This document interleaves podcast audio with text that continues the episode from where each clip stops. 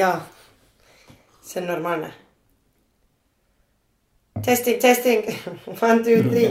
halloo, halloo. kas te kuulete mind? halloo, halloo. mina kuulen. no tere õhtust. tere õhtust. tere, tere, tere, tere, tere õhtust. tere, tere, tere, tere, tere õhtust. mis on kõige rõvedama maitsega asi, mida sa oled kunagi söönud? kohe panid siukse paugu siia podcast'i yeah. algusesse ehm,. enesehaletsus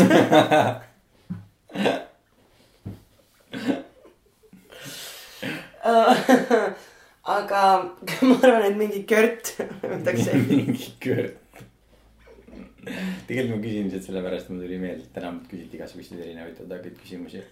ja siis äh.... see oli üks nendest. See oli üks nendest jah. siis mul oli kaks vastust, mul esimesena tuli, et nagu halvaks läinud piim. ja siis tuli, et tegelikult oli rõvedam oli halvaks läinud paprika, nagu mädanenud paprika. sul olid igavad vastused ju. on, ma tean täiega igavad vastused. ma proovisin nagu meenutada, tegelikult on raudselt midagi, mis on nagu veel halvem ma olen nagu viimastel nädalatel hakanud proovima nagu seda öö, veisemakse süüa. aga see ei ole nagu vastik, see on lihtsalt nagu natuke tuha maitsega, aga see ei ole nagu otseselt nagu rõve. see on, see on mingi uus tervislik asi, jah? See on, no nii palju, kui ma tean, on sihuke asi nagu multivitamiin üldse leiutatud sellepärast, et imiteerida loomamaksa.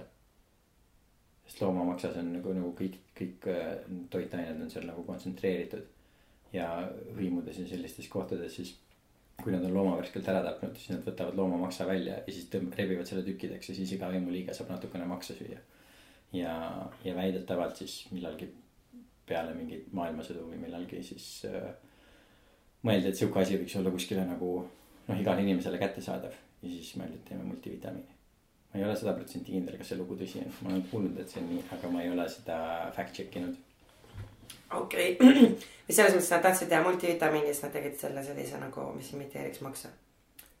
No ei, nad mõtlesid lihtsalt, et maks on looduses on nii fantastilise asi, asi olemas, aga nii paljud inimesed elavad, eks ole, linnades, inimesed ei jahi, inimesed ei, inimestel ei maitse, noh, mis iganes, eks ole. sest sõja ajal oli ju see, kus need mõeldi välja üldse need äh, soovitatavad päevased kogused, mis see ongi soovitatav no, päevane yeah. kogus või. vot, et need asjad mõeldi välja, et inimesed ei jääks äh,, ei jääks nälga. ja ja, ja siis nad lihtsalt mõtlesid, et nagu maks on maailmas olemas, kuidas me saaks nagu teha midagi, mis saab, ma ei tea, sõduritel a la kaasas olla või nagu inimestel. noh, mis iganes öö, olukordades, kui on inimesed haiglas nagu mingi näljahädaga või mis iganes, et me saaks sealt midagi anda neile. et vältida nagu mingite räigete haiguste mm -hmm. tekkimist. okei okay., ma ei ole seda varem kuulnud, aga ma usun sind. no mul on ka niimoodi, et ma usun seda, aga ma tegelikult, ma seda, seda osa, seda öö, soovitatav, soovitavate, soovitavate päevaste koguste. soovitatav. soovitatavate no.. No. seda, seda, seda lugu ma tean, oi issand. meie stuudio äh, toolil tuli just käepidera ja see meenutab musketit natukene, ma pean ütlema. mis asja see meenutab? musketit, vaata mis see on, relv või? see vanaaegne püstol oh., vaata, mis seal Molière'il ja Voltaire'il oli see on see, kui palju mina ajaloost tean. kas see on ka, kas see on ka varem juhtunud või? jaa, see käibki ära. aa, selge, väga hea. siia saab väike, hästi pisikesi, siia saab kaks tikku mahub siia peita, kui tarvis on. jaa, ma midagi tavaliselt. mul lihtsalt jah, see stuudio laguneb äh, siin üks. no eks tulebki üks suur kevadremont tuleb, tuleb. ette võtta. ette võtta mingisugune hetk. tea, millal see öö, äh, kuidas selle kohta nüüd öeldaksegi äh, Konkur. konkursi, ei konkursi võitja see, äh, millal ta neid töömehed siia saadab aga, aga ei, aga see veisemaks ei ole üldse nagu, see ei ole hea maitsega, aga see ei ole otseselt nagu. eks seda müüakse. ja turul, turul ja see on hullult odav ka, see on täitsa uskumatu, kui odav see on. aga nojah, sest ma saan see on põhimõtteliselt ju kõrvalprodukt täna. nojah, sest keegi ei huvitu sellest enam, inimesed ostavad oma seda. aga veisemaksa pasteeti tehakse ju. jaa, pasteete, ikka kõigest tehakse pasteete ja siis ma olen ka mõelnud, et oo oh, äkki ma saaks pasteete süüa. aga siis kõikides pasteetides on nagu mingi piimatooteid ja nagu mingi igast sihukest jampsi sees. pead ise tegema pean ise tegema ja, aga või viitsi, oh my god. mis mul tuli meelde sellega. ma proovisin, mõtlesin siis, et okei okay,, ma ei osta enam poest nagu äh, kallist äh, puljongit iga päev. et hakkan ise puljongit tegema mm. -hmm. ostan turult puljongikonte, panen keema, eks ole. kaksteist tundi keeb ja juba ongi, eks ole, puljong olemas. mõtlesin yeah., noh, täiega tark mõte mm. -hmm. Äh, tuleb välja, et esiteks see pani terve meie korteri räigelt haisema. siis on sellel ajal, kui sa paned puljongi keema ja siis otsustad välja minna. see on räiged parakad kogu aeg, et sul lihtsalt kodus mm -hmm. keeb puljong ja nagu, mis siis saab sellest. ja need puljongikondid ja on odavad, aga see, et see kaksteist tundi keema peab ja see, et sa selle haisuga pead tegelema ja see, et sa pead nagu mingit töötlema seda. See ei see ei ole absoluutselt väärt seda, mul on hea meel, et ma proovisin. nüüd, kui keegi tahab õpetust, kuidas puljongit teha, siis ma võin õpetada. aga ma mõtlen, mul emps teeb ka puljongit, aga ta teeb vist äh, mingit äh, köögiviljapuljongit mm. mm. -hmm. Mm -hmm. see vist ei haise nii rõvedalt. siis ma ei usu küll jah. sest ma lihtsalt panin nagu mingisugused vanad kondid potti ja siis lasin keema selle ja siis see lihtsalt mulksus päev see läbi. vanad kondid said. turult ikka, turult. miks nad vanad olid? ei no ma ütlen vanad lihtsalt selle jaoks, et seda lugu hirmsamaks teha, kui see tegelikult oli. kondid ise lõhnasid. I see fake news. ja fake news, põhimõtteliselt fake news. no fake news on teema, kas see on Eestis ka teema või? on, kas, kes see selle kes see selle teemaks on kes? viljeleb või? jaa. no siin, no, no, no peale uudiste, peale uudiste toimetuste poliitikud mm.. süüdistavad va- va- vastastikku teineteist ähm, libauudiste levitamises Mm. kas sa kuulasid kunagi äh, Rohke Debelaki libauudiseid äh,. jaa, olen kuulanud, mm,? meeldisid sulle või? mõned on täitsa naljakad. ja mul oli sama, kui mu isa kinkis mulle podcast'i, kui ma kolmteist sain, siis äh, ta tutvustas mind sellistele asjadele nagu. ei, ta kinkis mulle, oi vabandust. podcast'i, ta ma kinkis mõtlesin, mulle et iPod'i ja ma just kuulasin podcast'i, kus keegi nimetas podcast'i iPodiks ja nüüd ma ise nimetasin iPod'i podcast'iks the world is twisted. oh my god. ja siis, ja siis ta tutvustas mind sellistele asjadele nagu podcast'id. ja, ja siis ta pani kõik need äh, Rohke Debelaki libauudised mulle podcast'i, siis ma iga päev kuulasin neid. iPodi. iPod'i, oh my god, issand, ma olen sama, sama inimene. ehk sa kuulasid need kõik läbi või? ei, ma kõiki ei kuulanud läbi, sest mingi hetk ma sain aru, et ta lihtsalt nagu. no tal on seesama struktuur naljade tegemisel ja siis ta lihtsalt nagu kordab neid, aga väga naljakas oli küll, no alguses on ikka väga tore, kui mingit uut sorti nalja kuuled. eks ole ja aga siis see kõik äh, hakkab pinda käima. aga minu arust, kui ma äh, jällegi, ma ei ole sada protsenti kindel, aga ma arvan, et sõna podcast tuligi sellest, et oli leiutatud iPod ja siis nad nagu. podcast on siis see asi, mida sa saad iPodist kuulata. võis olla küll, oota, aga samas ma ei tea, kust tuli sõna iPod. no Apple'ilt.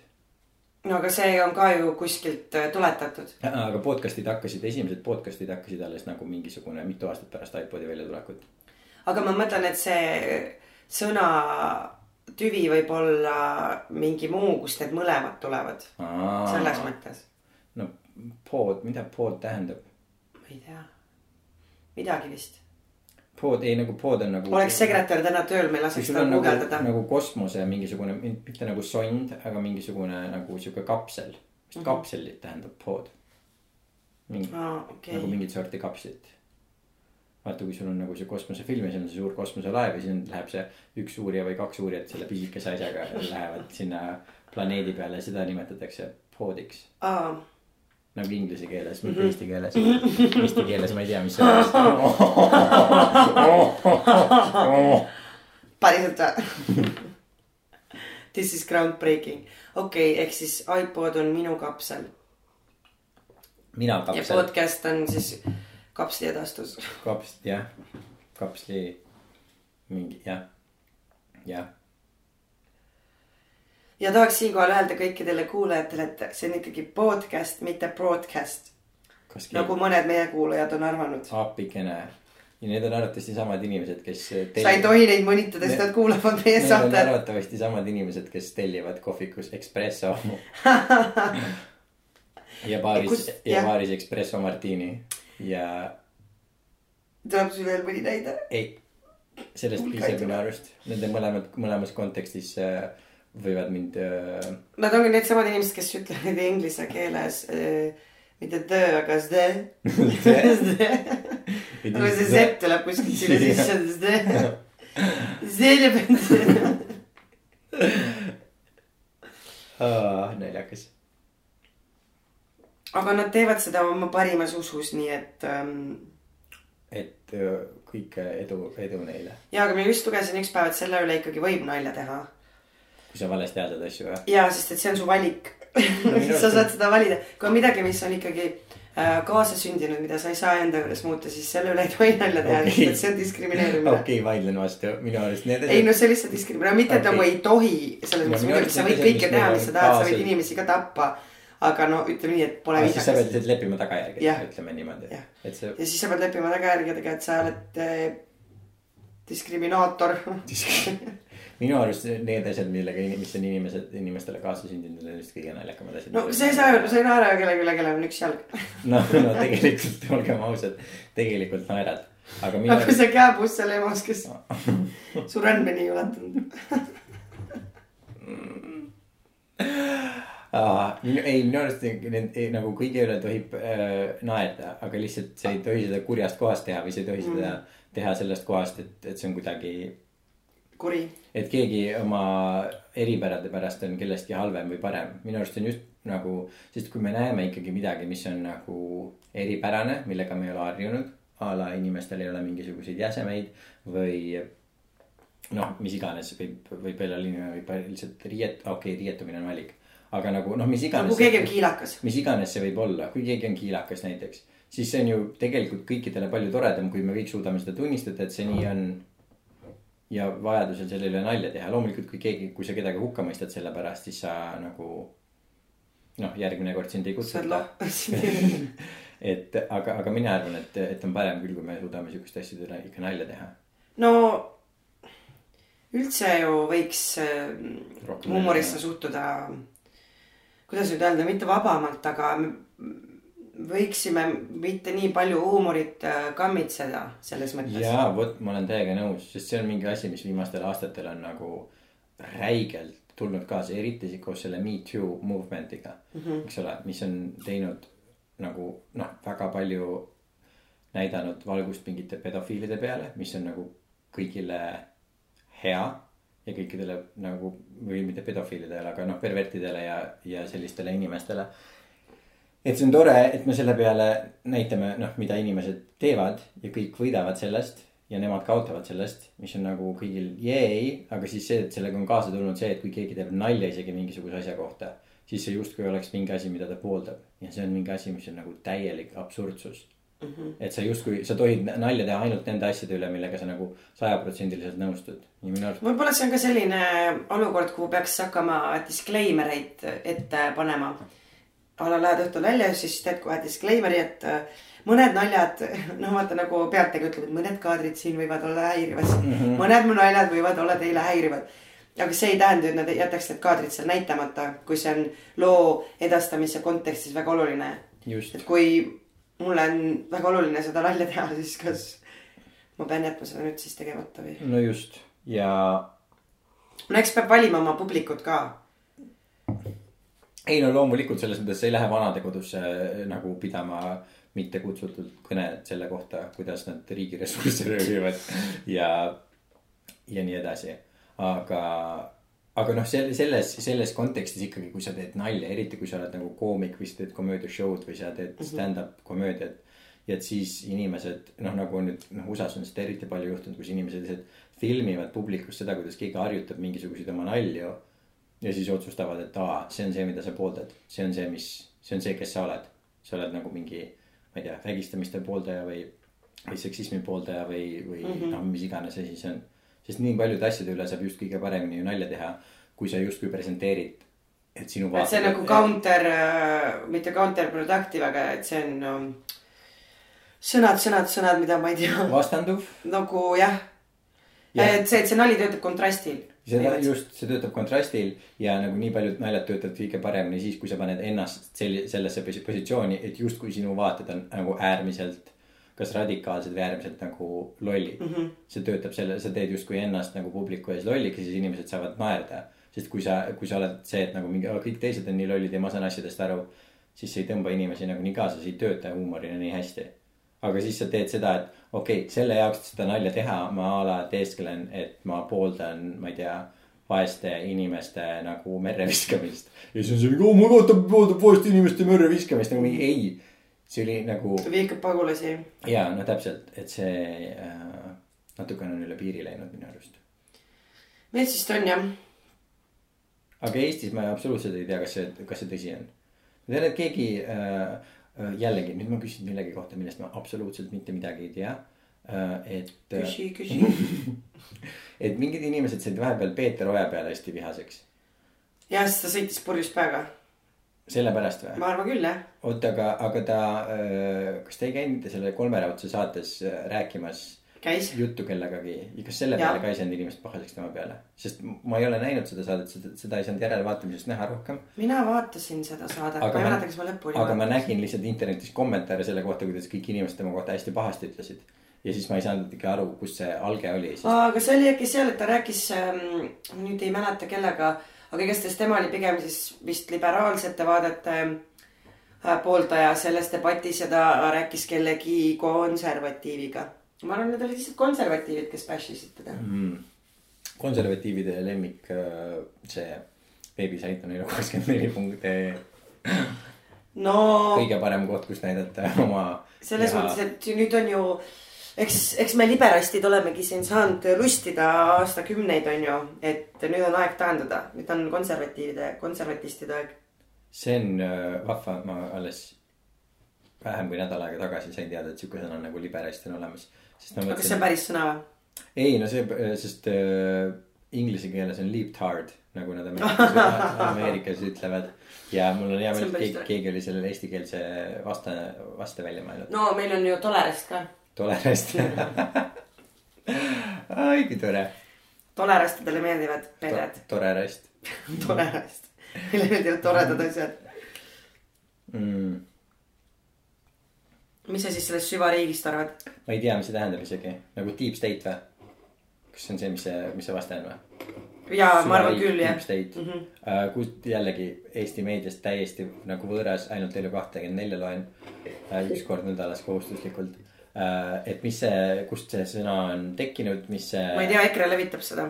mm.. Nad räägivad mingist süvariigist, mis on olemas, mille vastu peab võitlema hakkama. aa, okei okay,, et keegi. mingi jälgimine ja värgid-särgid. et kulisside taga keegi kontrollib tegelikult kõike, okei okay.. no ja on, kõiki jälgitakse, sest meil on Eesti riigis hästi palju ressursse, et seda teha. kõik on jälgimise all. no aga kui nad nüüd valitsuse saavad, siis nad ju saavad, neil on fantastiline võimalus seda muuta Äh, ja nad sellega tegelevadki jah. aga ma mõtlen selles, mind üldse ei imesta see, et kõiki jälgitakse, kõiki on ju nagu alates no jumal tänatud, kui me keegi mu röövib. Edward Snowden. They better know where I am. juba teame ju, et kõiki, kõiki jälgitakse ja juba natuke varem ka teadsime, et kõiki jälgitakse. mis sa sellest arvad, et äh, Assange, Assange, Assange, Julian oh, kinni võeti? issand, see on küll fantastiline, me ei ole kordagi Wikileaksist rääkinud. ei ole, kusjuures see on vot tõesti väga, väga, põnev teema. sest inimene oli peaaegu seitse aastat kinni äh, saatkonnas jah, Ecuadori saatkonnas. Ja nagu, see on põhimõtteliselt nagu vangis olemine ju. no ja ainult, et ta oli seal ju selleks, et mitte olla vangis. jaa, absoluutselt, aga, ta aga oli ju seal eksiilis. no just, aga mitte lihtsalt selleks, et olla vangis, ainult sellepärast, et tema hirm ja tema advokaatide hirm on see, et kui Inglismaa annaks ta välja Rootsile, siis Rootsi annaks ta välja USA-le yeah. ja siis USA-s ta läheks kas eluks ajaks vangi või ta tapetaks, sest mm. -hmm. USA-s on riigi reetmise eest on surmanuhtlus endiselt äh, legitiimne see on teema. see on teema jah, aga, aga see on täiesti uskumatu, et see isik on seitse aastat lihtsalt olnud kinni ja siis need lood ka selle kohta, mis ta seal nagu lõpuks tegi. on päris naljakas, ma ei tea, kas sa oled kuulnud, kuulnud. väga palju ei ole, aga ma, ma selles mõttes ma olen kuulnud, et ta jätkas oma tegevust ja eh, paljastas erinevaid dokumente ja andmeid ja oli whistleblower selles mõttes. ja, aga see, mis ta, mis ta nagu füüsiliselt seal saatkonnas tegi. Seda ma ei tea, ma ei tea midagi sellest. tagasi tal võeti internet ära, sest sellepärast, et ta nagu jätkas selle oma Wikileaksi tööga ja siis äh, ma ei tea, kas ta kuidagi ikka pääses mingitesse arvutitesse. aga ühesõnaga on nagu videod sellest, kuidas ta seal rulaga mööda neid ruume ringi sõidab ja siis ma ei mäleta, kas ta omaenda sitaga või oma kassi sitaga nagu määris neid, määris äh, seinasid. No sest inim-, nagu ma ei imesta üldse, sest -huh. loomulikult sa lähed hulluks, kui sa, sa arvad, et sa oled terve oma elu tegelenud sellega. et nagu anda inimestele infot selle kohta, mida nagu valitsused meie selja taga teevad mm. -hmm. ja siis selle eest sind tahetakse nagu tappa ja nuhelda ja, ja nii edasi ja siis sa oled seitse aastat lõksus lihtsalt kuskil, see on, seitse aastat tagasi nagu me lõpetasime keskkooli ja kujutate ette, kui me sellest ajast alates oleksime lihtsalt siin ruumis nagu kinni, kinni olnud, see oleks päris, no päris haige. Ma ei loobiks sind ainult sitaga ma ei piirduks. see oleks ainult algus ja, aga ma ei tea, see näitab. sinna ma oleks juba kahe kuuga jõudnud. ja, aga selle juures on, on jah, see mitu nagu naljakat nalja, sest ma ei taha selle üle nalja teha, sest ma väga nagu austan teda tema tegude eest aga see on naljakas, milline ta välja nägi, on naljakas, siis ta on isikuna juba, ta on naljakas persona, eks ole. ja siis see, kuidas ta sealt välja veeti, nii et oli nagu kõhuli, vaata, nii et mm -hmm. sa nägid seda, seda pilti veel, see. ta oli kõhuli, nii et ta noh, jalad olid ühtede inimeste käes yeah. ja siis nagu käed olid teiste inimeste käes. ja siis ta peanupp oli lihtsalt midagi head vahelt, vahelt väljas. et see kõik nägi väga nagu, see nägi välja nagu, see ei näinud nagu isegi nagu reaalsus välja, see nägi välja nagu me elaks mingisuguses karikatuuris, see oli nii, nii totter aga nagu nüüd, mis, eks ole, kardetakse, on see, et antakse välja Rootsile mm, -hmm. kus no mis, ma ei tea, kas sa tead nende nagu süüdistuste kohta, mis, mis talle Rootsis on esitatud? ei tea. okei okay., see põhjus, miks ta üldse Ecuadori saatkonnas ennast on veetnud seitse aastat, on see, et äh.... miks Ecuadori, sa, Ecuador oli üldse nõus ta võtma eksiili? Äh, ma ei mäleta selle kohta võisid nagu erinevad põhjused olla, aga Ecuador on olnud see eelmine president vähemalt, kes neil oli, oli väga ka sihukeste äh, liberaalsete vaadetega mm. ja võib-olla mitte kõige rohkem nagu USA pooldaja, võis olla ka rohkem sihuke vasakpoolne inimene ja. Ecuador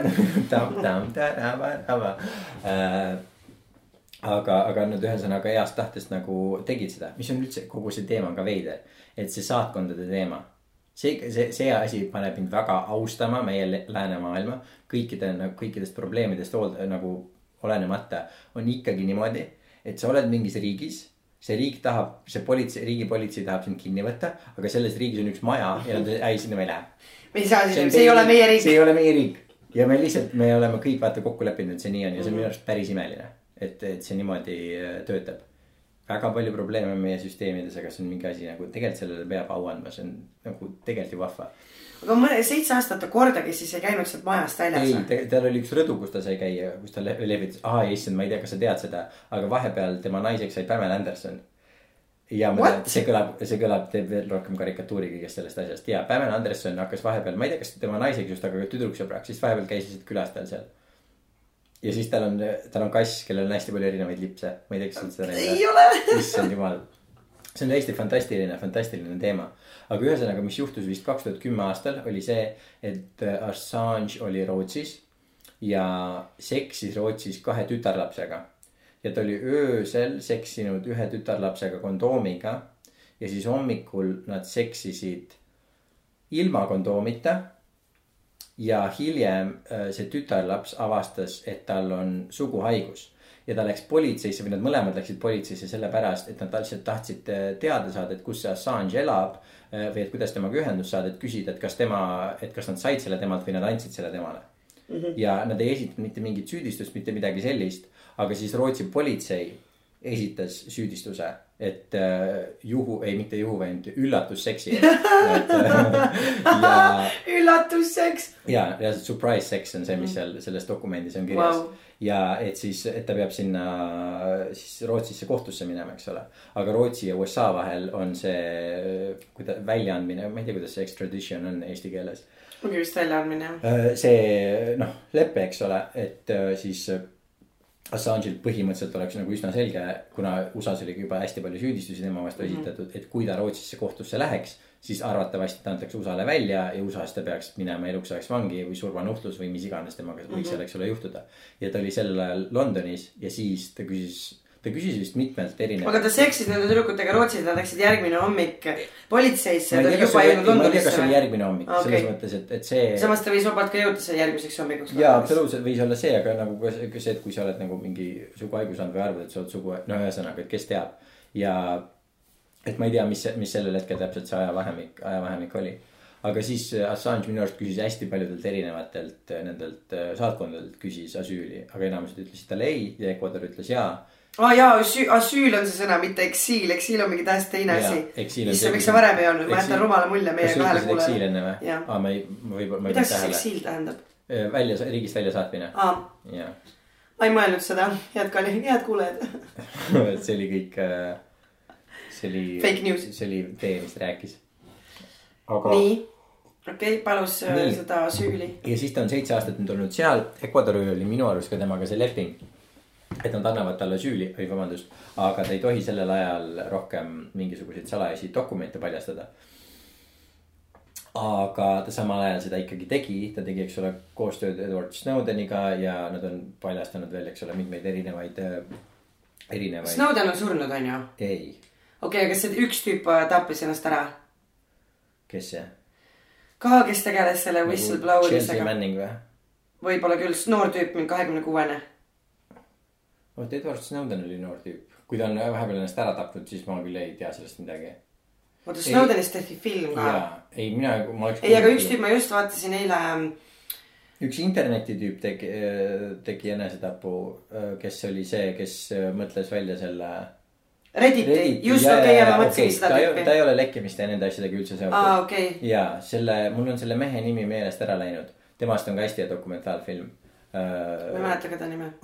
ja kahjuks ei tule meelde, ühesõnaga Redditi üks looja mm. -hmm. keegi tahab näha fantastilist dokumentaalfilmi ja fantastilist lugu sellest, kuidas ühte inimest võib üks valitsus ahistada.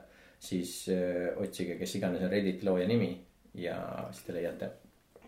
aga tagasi Assange'i juurde, siis öö, ta ikkagi andis välja mingi noh, liikis neid öö, dokumente ja Ecuadori saatkond oli talle vist mitu korda öelnud, et sa ei tohi seda enam teha, siis Ecuadori valiti uus president. See ratastoolis mees, kes neil nüüd on ja see, ta siis sellel päeval, kui ta, kui ta sealt saatkonnast välja visati, ta avaldas selle, andis selle videosõnumi. kus ta rääkis, eks ole, mida see Assange kõik oli valesti teinud ja see kõik kõlas nagu väga nagu usutavalt ja arusaadavalt mm. -hmm. aga siis tuli välja see, et see tüüp, ma ei mäleta, kas, kus kohas ta oli olnud ja kellelt oli raha saanud või kel-, no see ühesõnaga. ratastoolis tüüp siis see. ratastoolis Ecuadori uus president oli, ta, ta oli ühesõnaga teinud mingisuguseid shady sid asju mm. -hmm. ja kuskilt Wikileaksi kaudu oli see välja tulnud mm. -hmm. ja arvatavasti see oli see asi, mis ta tegelikult nagu pahaseks ajas. et äh,, sest nad kuidagi nagu häbistasid äh,, häbistasid teda. ja siis nüüd äh,, ma ei teagi, kus see Assange praegult on, aga ühesõnaga praegult on siis oht sihuke, et ta antakse edasi välja USA-le ja seal teda ei ole. Kuna teist, ma ei mäleta, mis värk see nende teiste asjadega oli, aga põhimõtteliselt. aa, vot, neil oli mingisugune selline asi, et kuna Euroopa riikides ei kehti äh, surmanuhtlust, siis kui ta mõistetakse süüdi mingi asjaga, mis, milles selleks karistuseks võib olla surmanuhtlus, siis Euroopa riikidel on õigus seda mitte USA-le välja anda, sellepärast et on oht, et ta sureb ära. Nii et USA nagu kõik teised asjad nagu otsustas mitte süüdistada teda riigi mm -hmm. reetmises ja kõikides muudes asjades, vaid ta otsustas süüdistada teda häkkimises mm. -hmm. koos siis Edward Snowdeniga, kui kõik need Snowdeni äh, failid välja tulid, sest äh, selle eest ei ole nagu surmanuhtlust ette määratud ja siis äh, ei ole ei brittidel ega rootslastel nagu võimalust äh, seda nagu mitte välja anda. või noh, neil ei ole nagu õiguslikku alust vähemalt selleks, sest nad ei saa öelda, et aa, sul on surmaoht, sest sellega justkui ei kaasne surmaohtu mm. -hmm. et see on see teema, mis praegu sellega on. aa, ehk siis nagu teda ei tapeta ära, vaid ta läheb eluks ajaks vangi, on see potent-, noh, see potentsiaalne stsenaarium, mis hakkab juhtuma. jah, põhimõtteliselt küll. aga mis sina sellest, mis sa siis arvad, et kas see on äh, vaba maailma ja vaba informatsiooni äh, mõttes märk, mis peaks meid tegema nukraks? ja ma arvan, absoluutselt peaks tegema nukraks. sest äh, noh, ilmselgelt see on ju kurb, kui mingisugune indiviid paljastab mingeid valitsuse nagu räigeid nagu kuritegusid mm. -hmm. ja ma ei tea, tsiviilisikute tapmist ja inimeste pealtkuulamist ja noh, mida kõike veel. ja siis me karistame karistame seda, karistame seda inimest et see on, see on kurb, aga noh, küllap see ajab inimesi, eks ole, marru ja siis on jälle järgmised inimesed, kes on valmis, valmis selliseid asju, selliseid asju tegema. Sest see teemaga, millega, tänu millele nad said äh, keegi, noh, sest see vastuargument kogu sellele asjale, noh, inimesed on proovinud seal alguse ajast, eks ole, leida seda, et kuidas õigustada seda, et miks see, miks ta tee-, mis ta teinud on, on vale ja miks mm -hmm. ta peaks selle eest nagu kas vangis istuma või süüdi mõistetama või mis iganes. ja see argument on olnud selles, et äh, nendes dokumentides, mis nad on avaldanud, on olnud inimeste, enamasti siis sõdurite mingisuguseid personaalseid detaile ja asju mm. -hmm. nii et need on justkui nagu avalikuks tulnud. aga mis on tegelik lugu, on see, et ainukene kord, kui nagu mingite inimeste, no sest vaata muidu, kui sa, kui sa noh, selle ajakirjanduse hea tava on see, et kui sa mingit nagu tundlikku materjali avaldad, siis kõikide inimeste nimed, eks ole, on mm, -hmm. on mustaga, mustaga üle tõmmatud. aga mis juhtus Wikileaksis ja ma ei mäleta, missugust, missuguste nende dokumentide avaldamisega seotud see oli, aga juhtus see, et enne seda, kui nad midagi avaldasid, keegi häkkis nende serveritesse mm -hmm. ja siis avaldas kõik need asjad. noh, ja, ja see justkui on see õigustus, et aa, et -huh. nemad on selles süüdi, kuigi esiteks on see, et. Kuigi nemad neid ei avaldanud. esiteks ei ole selles süüdi, nemad neid ei avaldanud ja mis on teiseks mm -hmm. kõige hullem asi, on see, et nii New York Times kui Washington Post kui kõik USA suurajalehed avald-, avaldasid selle info mm. -hmm. ja siis tekib see küsimus, et kas me peame siis kõikide nende ajakirjade nagu äh, need. Peatoimetajad õlle tõmbama. just täpselt, et see on, seal on nagu nii palju suuri küsimusi, millele mitte keegi ei taha väga vastata, sest see on liiga ebamugav. USA. ja oota, aga Julian ise on pärit kust Austraaliast, oh.? mida ei ütleks tema täiesti blondid, mitte blondid isegi, tal on nagu plaatinavalged juuksed lihtsalt ja plaatinavalge habe. sihuke nimi. ja, ja sellepärast arvatavasti tuligi sealt ära, sest ta ei kannata seda päikest välja lihtsalt. äkki ta lihtsalt taga kiusatud. ma olen ikkagi aru saanud, et need austraallased ei ole väga sõbralikud issand, austraallased on kõige sõbralikumad üldse. no.. aga, ei, me rääkisime juba sellest ühes, neil on see saar, kuhu nad panevad kõik need ja, ja, inimesed, kes neile ei meeldi. Ja on küll jah. see on minu arust pigem ebasõbralik käitumine. kõik, kes tahavad tulla, neil on see tulge, tulge, tulge tulge. tead nüüd siin saarel kinni. ei saa edasi ega tagasi. ei saa ja ei, see on kohutav ja. ja see saar ju ikka toimub, vahepeal ei ole mingit arengut. Ei, ei, ei, ei, need inimesed on ikka seal kinni ja surevad seal. ja vaesed, Mõnus. vaesed nemad, aga no mis sa ise, ise nagu kaevad endale selle augu. ja pagulased on üldsegi kõiges süüdi. tahad paremat elu ja tahad põgeneda sõja eest ja, ja nälja. lepi, just deal with it Jaa. sa oled sündinud sitta kohta. Deal with it, sa pead selle elama. mina nägin, no sest mina ka olen nüüd selle massiimmigratsiooni või üldse immigratsiooni peale mõelnud pikemalt. ja minul on see et, et sada protsenti ma ei ole nagu piiramatu immigratsiooni poolt, eks ole. noh, kui keegi ütleks, et nagu kolm miljonit pagulast peaks Eestisse tulema, siis ma ütleks, okei okay,, ma olen selle vastu, mulle tundub see nagu natuke, eks ole, liiga palju. nii palju, kui neid praegult siia tuleb, mulle tundub see nagu täiesti õigustatud, eks ole, et me inimesi vastu võtame ja aitame. aga siis ma nägin videot mida keegi oli postitanud mingisuguse USA akadeemiku poolt, kus, kus äh,. ja selle video pealkiri oli lihtsalt eepiline, video pealkiri oli see, et äh, migratsioon seletatud ära ainult nätsuga Äh, ja tead, ma ei tea, Eesti, Eestis on neid ka, aga tead neid värvilisi nätsupalle, vaata, mis on siuksed kõvad värvilised pallid ja siis, kui sa sööd seda, siis see on näts, eks ole. ja, ühesõnaga ja siis mingisugune akadeemik räägib äh, suurele saalitäiele inimesele, inimestele äh,. tal on igast erinevad hunnikud nende äh, nätsu, nätsukuulidega, ma ei tea, kuidas eesti keeles ütled selle kohta. Inglise keeles on gumball, nätsupall. nätsupall, okei okay,, nätsupall. ja, ja siis ta ta põhimõtteliselt noh, seletab sellega, eks ole, kuidas see migratsiooni asi nagu ei toimi ja me ei saa nagu selle abil, et ma et äh, nagu pagulasi heaoluriikidesse võetakse, et see lõppude lõpuks ei aita mitte kedagi, sest inimesi nagu sünnib juurde nagu nii suure kiiruga, et see, et see lõppude lõpuks nagu matemaatiliselt ei tööta. ja siis ta põhipoint oli nagu see, et, et kuna see ja ka need pagulased üldiselt, kes heaoluriikidesse tulevad, on need, kes on juba nagu nendes riikides, kust nad tulevad, kõige paremal järjel ja kõige targemad ja kõige need, eks ole kõige rikkamad. et siis me põhimõtteliselt nagu võtame nendest riikidest nagu kõige paremad inimesed ära enda riikidesse yeah. ja sinna jäävad ainult nagu need hädarikud. et mis me tegelikult peaksime tegema, on see, et neid riik, neid inimesi seal riikides aitama ja mitte neid mm. enda riikidesse võtma ja see töötaks paremini. No näiteks äh, pakun välja, ärme lähe sõdima nendesse riikidesse.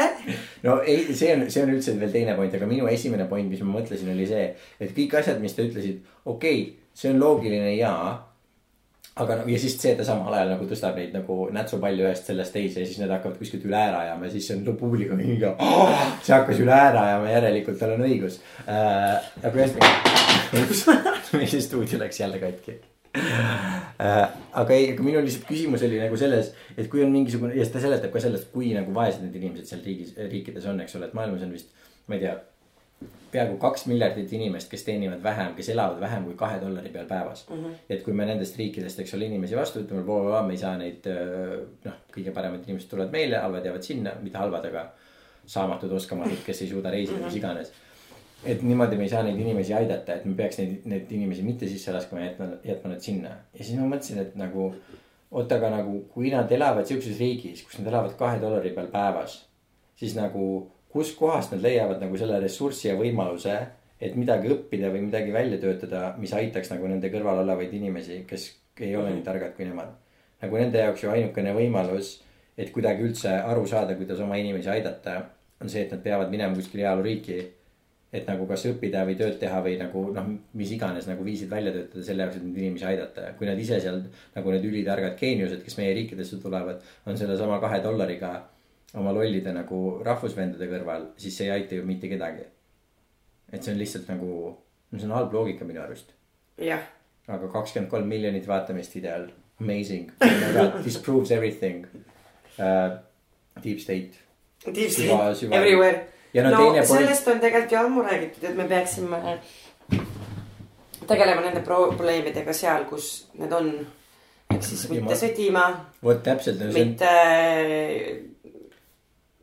varastama neilt maavarasid, ja no see on teine mitte. minema neile ütlema, kuidas nemad elama peavad oma riikides ja tegelikult noh, mis on, mis juba toimub praegu. aga mis on selle sajandi kõige, kõige suurem proble- probleem, mida me veel ei näe, on kliimapagulased. Kuna kliimamuutused on nii suured, mis on peaasjalikult tekitatud äh, valge või läänemaailma poolt ähm,. lihtsalt mõjutab äh, inimesi nendes piirkondades äh, kõige enne et meie võime siin nagu rahus oma põlevkivi põletada ja mõelda, et meil on kõik hästi, aga noh, kaudselt see on ju kõik seotud, kui me nagu näeme maakera kui ühtset planeeti. mis ta väidetavalt on. mis ta väidetavalt on, kui ta on ikkagi kera. Kindel ei ole, on ju, pole ühtegi tõestust pilti, ühtegi pilti pole, mitte midagi pole. aga okei okay,, hea küll, maakera ehm,. siis oleme kaudselt meie ikkagi selles süüdi, et need kliimapagulased siia tulevad. no just ja see kõik kliimapagulus on noh, see on veel isegi nagu noh, raskem case, mida teha, aga ikkagi case, mida saab teha. aga need riigid, mida me oleme nagu mingi viis põlvkonda järjest nagu pommitanud ja rüüstanud ja röövinud neilt kõik ära ja nagu mingi tapnud nende lapsi, tapnud nende naisi, tapnud nende mehi, tapnud nende vendasid, tapnud nende õdesid ja nii edasi. Go on. et äh, nagu hävitanud kogu nende infra-, infrastruktuuri, võtnud neilt ära elektri, no mis iganes. no inimesed, eks Iraagist, lasknud. eks ole, me ei räägi enam väga palju, aga veel ka paar aastat tagasi, ma ei tea, kuidas see nagu tänasel päeval on, oli see, et Bagdadi, mis on, eks ole, üheksa tuhande aastase ajalooga linn. Nende elanikel oli nagu lubatud nagu mingisugune tund või kaks elektrit, elektrit päevas, sellepärast et kogu nende infrastruktuur on kahe tuhande kolmanda aasta algusest saati noh, siiamaani, eks ole, täielikult nagu laastatud ja inimeste elu ei ole normaalne. Ja siis on see, et nagu mingi oo, kui keegi ennast kuskil õhku laseb, siis on see, et nagu mingi oo huvitav, mis, mis see nende Koraan küll kirjutab, et nad sihukest asja peavad tegema. nagu mingi äkki me oleme kõik inimesed, kes neil elus on ära tapnud lihtsalt nagu mingisugune sada aastat järjest. äkki see paneb inimese ennast õhku laskma, mitte see, et nagu mingi, mida, mida Koraan talle ütleb ja mida Koraan talle ei ütle.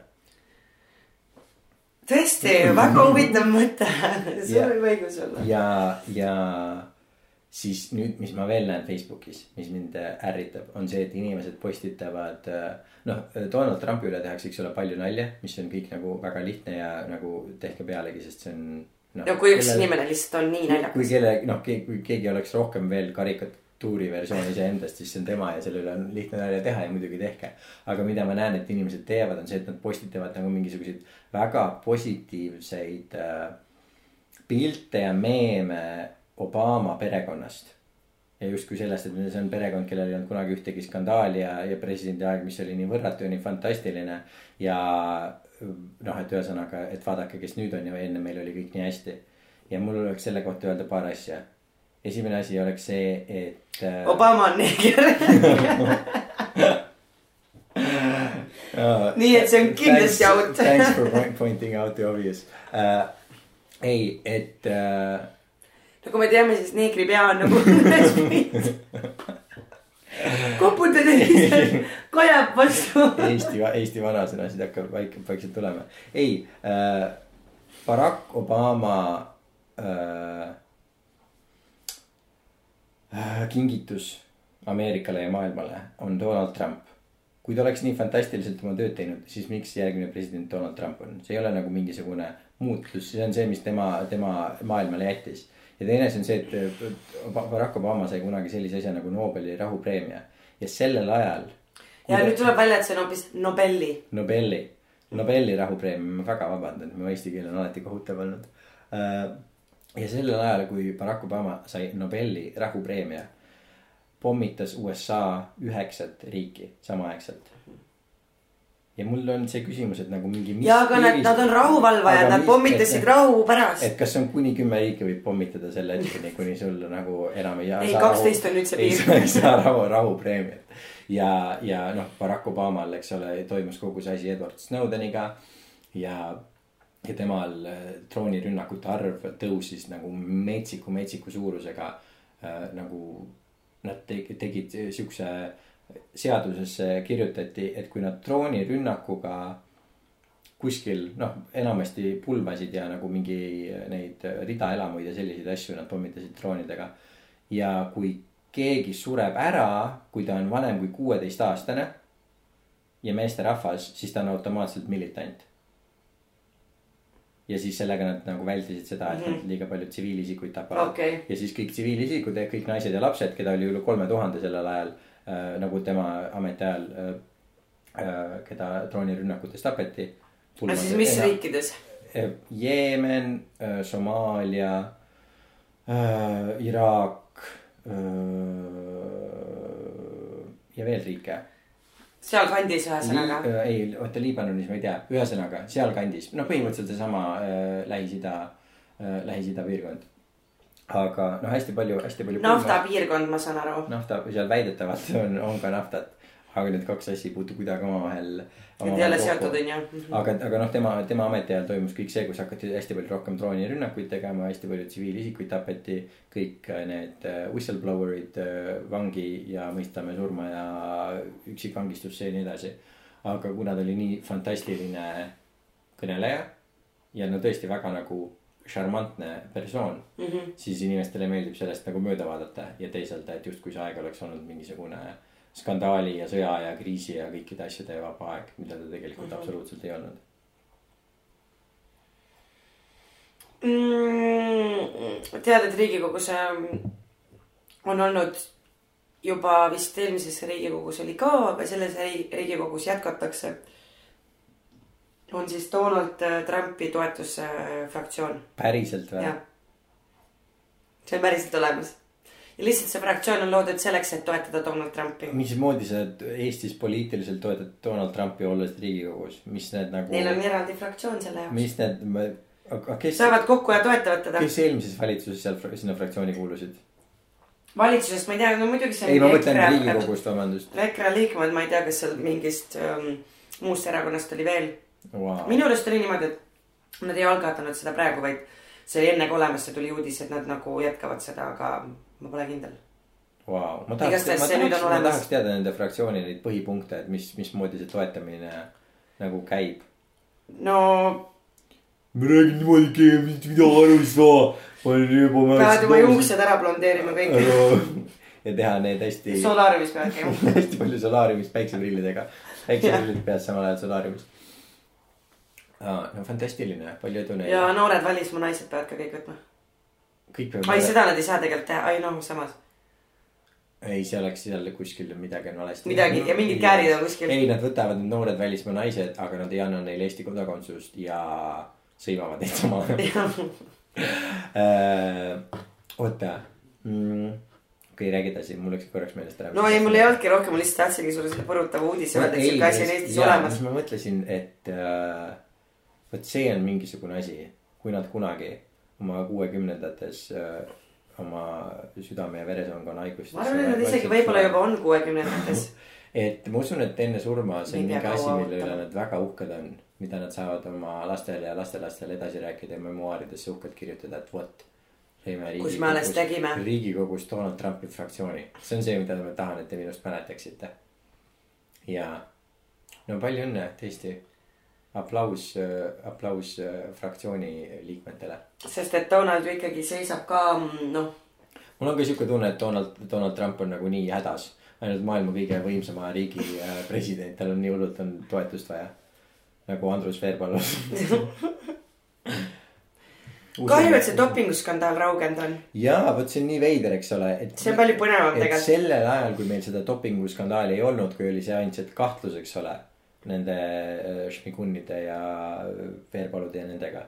siis see teema käis nagu palju pikemalt, aga sellel hetkel, kui on nagu see, et nagu teeme pilti sellest, kuidas kanüül on, kanüül on veinis. siis on see, et mingi kõik on teada kõik on teada me oleme petised, jääb davai, liigume äh,. aga ma mäletan üks äh, saade, me rääkisime sellest, et ähm, kas Alaver oli ka Šmiguni treener, ei olnud. ei olnud või Mm-mm.? aa, Šmiguni treener ei, Šmigun oli keegi teine ja, ja vist küll ja, ja tal oli eraldi tiimis ka Mm. ja nad ei olnud äh, väga äh, seotud sellega. okei okay., kas Šmigun on sellel teemal mingeid avaldusi ka teinud või? ja ta mingi kommentaari andis selle kohta küll. minu doping tuli ja mina usaldan ainult neid narkootikume, mis mulle minu vanemad annavad. Mina võõrastelt oluliselt ei võta mina narksimist. kuulsin, et Alaveri äh, EPO on üldsegi aegunud ja mina sain oma värske dopingu Vitsi käest. aga nüüd ta ju läks sinna Riigikokku. ta võib teha mingi dopingufraktsiooni, kui tahab. dopingu pooldajate fraktsioon. mina usun iseennast. ei, ta seisab ikkagi laste sportimis blablabla bla, bla eest. aa, okei. no mis ma saangi aru, tegelikult Eestis on väga suur probleem. Meil on ikkagi, tuleb välja umbes kõik lapsed rasvunud. ja vot see on kohutav. mis on selles mõttes veider natukene minu jaoks, kui mõelda, et et kuidas me nüüd Eestis jõudsime Eestis nagu sinna, ma saan aru mingit nagu, ma ei tea, kuidagi noh, et me oleme Euroopas ikkagi mingi teisel või kolmandal kohal laste rasvumise ja, ja hästi kõrgel kohal. et see hüpe on olnud ikka nagu metsik minu arust. okei okay,, mul on selle kohta, ma võtaks äh, see ebakonventsionaalse on see, et me oleme vaesed. ebakonventsionaalse teooria selle kohta. see peaks kehtima ka mõndadele muudele Euroopa riikidele, aga Eestile see võib kehtida üsna tugevalt ja ma asetan selle välja, kui sa öö, kannatad, kannatad ära mu teooria. kui mõni põlvkond kannatab nälga, siis äh, epigeneetiliselt meil äh, avalduvad äh, need geenid, geenimutatsioonid, mis on meil, eks ole, noh, kinniselt nad on kogu aeg olemas, aga kui äh, see olukord on selleks õige, siis avalduvad geenid, mis panevad meid hästi palju kergemini ladustama rasva, kuna meie keha ütleb meile, me oleme sellises kliimas või sellises Jah. geograafilises kohas, kus nälg on kogu aeg lähedal. nii et kui sa kuskilt toitu saad, pane see endale kohe rasvaks, sest meil läheb seda arvatavasti vaja. Ja meie põhimõtteliselt kõik esivanemad, eks ole, on üsna palju aastaid kannatanud üsna räige nälja käes. ja see on tõestatud, et vähemalt äh, nagu ül- üle ühe generatsiooni see hüppab ja võib-olla, võib-olla ka kauem, aga vähemalt üle, üle ühe generatsiooni see hüppab. mis võib tähendada seda, et tihtipeale nagu noh, meie generatsioonil on näiteks see, et meie vanavanemad võisid nälga kannatada ja meie oleme need, kes selle eest justkui maksavad, kui meie vanematel tundub, et justkui nagu otseselt seda probleemi ei ole. aga, aga ja mis see, mis see geeni äh, mutatsiooni äh, avaldumine teeb, on seda, et esiteks sul on hästi palju kesk-, kergem rasva talletada, sest su keha, eks ole, kogu aeg on nagu nälja, näljaolukorras või kriisiolukorras. aga teiseks, mis on hästi palju kergem, on see, et kui sa otsustad paastuda, siis ka paastumine on sinu jaoks hästi palju kergem, kergem teha, sellepärast et see on, ka see on asi, millega su see geneetika on justkui kohanenud. nii et sul on väga kerge hästi paksuks minna, aga kui sa tahad, siis sul on ka hästi kerge kõigest sellest rasvast lahti saada. Äh, see on tõesti väga põnev. ja ma arvan, et kui sinna juurde panna see mm, harjumuslik äh, lähenemine. selles mõttes ma ei tea, kuidas sinu peres on, aga ikkagi mul, kui ma vanaema juurde lähen, siis äh, et, et ka see harjumuslik näljatunne on kogu aeg nende peades olemas, kuna nemad on elanud nii palju vaesemal ajal kui meie, siis et see, et kas sul on ikka kõht täis, Jaa. söö ikka veel, millal jumala eest järgmine kord Mhm. saab. pluss on ju tegelikult need inimesed ähm, laias laastus teinud ka palju füüsilisemat tööd, kui mm. -hmm. meie teeme. Mm -hmm. et sealt noh, et see, ma arvan, et kuidagi harjumuslikult on meile ka õpetatud, et äh, me peaksime kuidagi hästi palju sööma jaa, ja kogu aeg peaksime nagu Jaa. sööma ja need portsjonid, ma mõtlen ikkagi, mis noh, vanaema ette paneb, on nii, et tegelikult see on kolmele lapsele mõeldud vanaema Jaa, tegelikult jaa. noh, et nüüd me oleme jõudnud oma teadvuses ja arengus äh, sinnamaale, et me saame aru, et tegelikult noh, sa ei pea seda tegema. vot, aga kust mujalt tuleb harjumus kui mingisugusest vajadusest? noh, selles mõttes, nojah, et neil on see, et aga ma mõtlen, et see ei ole ainult nagu geneetiline, et me tunnetame seda, et meil lihtsalt, meil on õpetatud kuidagi seda, esiteks on see, et see on geneetiline, siis on see, et meil on see harjumus, no ongi seesama asi. Nature kuna versus, nurture. kuna neil oli kunagi, eks ole, nälg, see on see, et kui süüa on, topi ennast lihtsalt täis, nii palju, kui sa suudad. ja noh, ma tean, minu peale on nagu karjutud sellepärast, et ma ei söö oma toitu lõpuni mhm. ja ja ongi see, et nagu topi kõik sisse, sa ei tohi mitte midagi alles jätta, koolis isegi, isegi koolis on see, et sa ei tohi oma taldrikut nagu lihtsalt tagasi viia, vaata meid sunnitakse sul on kõht täis, sa ei taha süüa, aga sind sunnitakse sööma. sest meie isegi selles nagu meeleteadvuses on ikka see, et nagu kohe varsti tuleb nälg ja toit, sa ei tohi raisata, ei tohi seda, ei tohi teist, ei tohi kolmandat. Ja pluss siis me elame veel sellises äh, äh, kultuuriruumis, mis on üsna masendunud ja pikka aega aastast on külm ja nagu väga kerge viis, eks ole, turvatunnet saada on läbi Mhm. toidu. nii et ma usun, et kõik need kolm faktorit paned kokku ja küllap seal on mingisugused veel. Äh, no ma olen üks asi on ka see, minu pere juures ma olen küll täheldanud seda, et äh, see äh, standard või nägemus, milline inimene peaks olema või et äh, noh, milline rasvakiht äh, tal peaks olema, et olla normaalne inimene, on hästi erinev sellest, mis on tegelikult tänapäeval öeldud, et on tervislik. mm. -hmm. Ja no minul on ka minule kogu aeg nagu. muidu see ikka, sa sured ära, talve sa üle ei ela. ja nagu tegelikult, tegelikult tekib see tunne, et kas meil ei ole riideid või, kas talvejopesid ei ole leiutatud, need ei ole Eestimaale jõudnud veel. ja vot see on üks asi, millest, mis, mis ei ole meile ka vist kohale jõudnud. tegelikult talve ei ole isegi olemas enam. me Jah. ütleme, et meil on kuus kuud talve, aga tegelikult sa veedad kõik need kuus kuud talve nagu kahekümne kuue kraadises äh, toas mm. -hmm. ja sa teed õues mingisuguse väikse jalutuskäigu ja see tegelikult ei ole talv, su keha enam ei tea isegi, mis asi talv on, sest sa ei tunne seda enam aga, aga jah, minu, minul ka noh, peres on see, oh issand, sa oled nii kõhna, kus sa nagu, oi, sa oled nii kõhnaks jäänud, nii kõhnaks jäänud. aga no kujutad ette tõesti, kui sa elad nälja ajal, siis kui sa näed sihuke välja. et sa ei ole ülekaaluline, siis ongi see, et issand, aga järgmise talvega sa oled surnud. jah, see on surnud, surnud. surnud, ongi läinud. oli siin, et pole enam, pole enam, pole nähagi. hull värk. aga, aga vot ja see on üks teine asi, mis just viimastel päevadel äh, on minu ellu äh, ringiga äh, tulnud. ma ei tea, kas sa oled mõelnud sellise asja peale, aga mul on natuke, võib-olla see, see võib vabalt olla täiesti minu mingisugune fabrikatsioon reaalsusest ja võib-olla ma olen ainukene inimene, kes seda märganud ei ole või sellest aru ei ole saanud.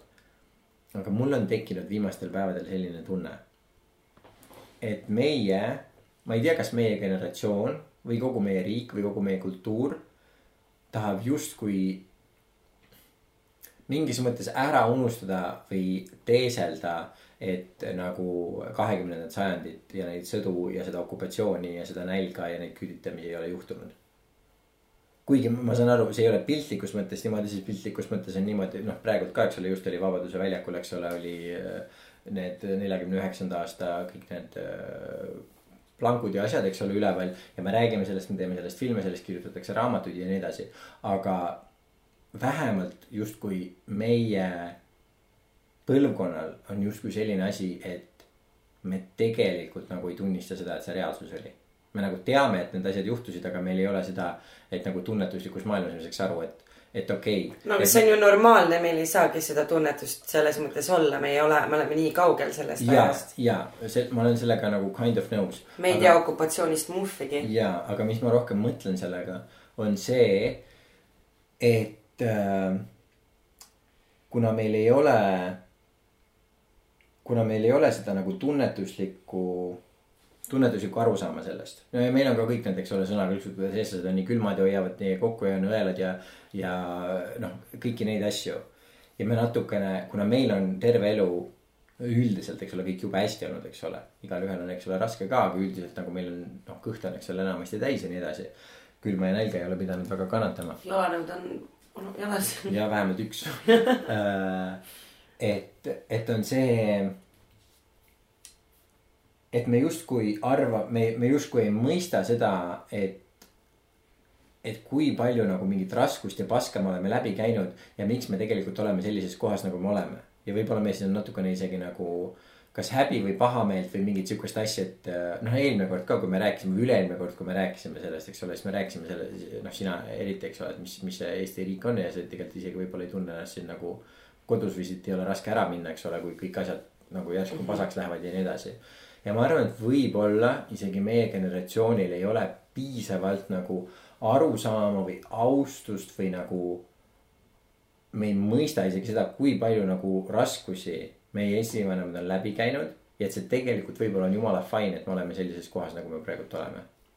nagu kõike arvesse võttes. aa, no okei okay,, selles mõttes küll jah, et me ei aga ma arvan, et seda on meile küll palju õpetatud ja juurutatud, aga võib-olla mingis mõttes ka ma valesti, valesti seda, et vaata. ma mõtlen, ütlengi seda, et see õpetatud, õpetatud ja juurutatud on nagu hullult palju, noh hullult palju, eks ole, et kus kohe meil on igal pool, kus sa vaatad, eks ole.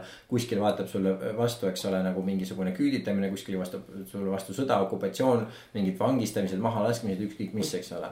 aga, ja võib-olla ma räägingi ainult iseenda eest, aga minul selle jaoks, et ma ole, sain aru sellest nagu hakkasin aru saama sellest, ma ei arva, et ma siiamaani päriselt aru saan sellest, aga nagu hakata aru saama sellest et mida inimesed päris, päriselt läbi elasid, oli siis, kui ma olin olnud nagu Eestist ära nagu mingi julmalt pikka aega ja ma olin nagu mingi Austraalias kuskil väga soojas mingi pisikeses linnas kuskil mingi kuue imekauni kose kõrval ja siis ma lugesin nagu lugu selle kohta, kuidas äh, kuidas teise maailmasõja ajal nagu mingi Leningradi blokaadi ajal mingisugune naine pidi otsustama seda, et missuguse oma kolmest lapsest ta ära tapab teistele nagu süüa andmiseks nagu arvutades seda, et, et nagu kas kõige noorema või kõige vanema, et kellel on nagu kõige parem võimalus nagu ellu jääda mm. -hmm.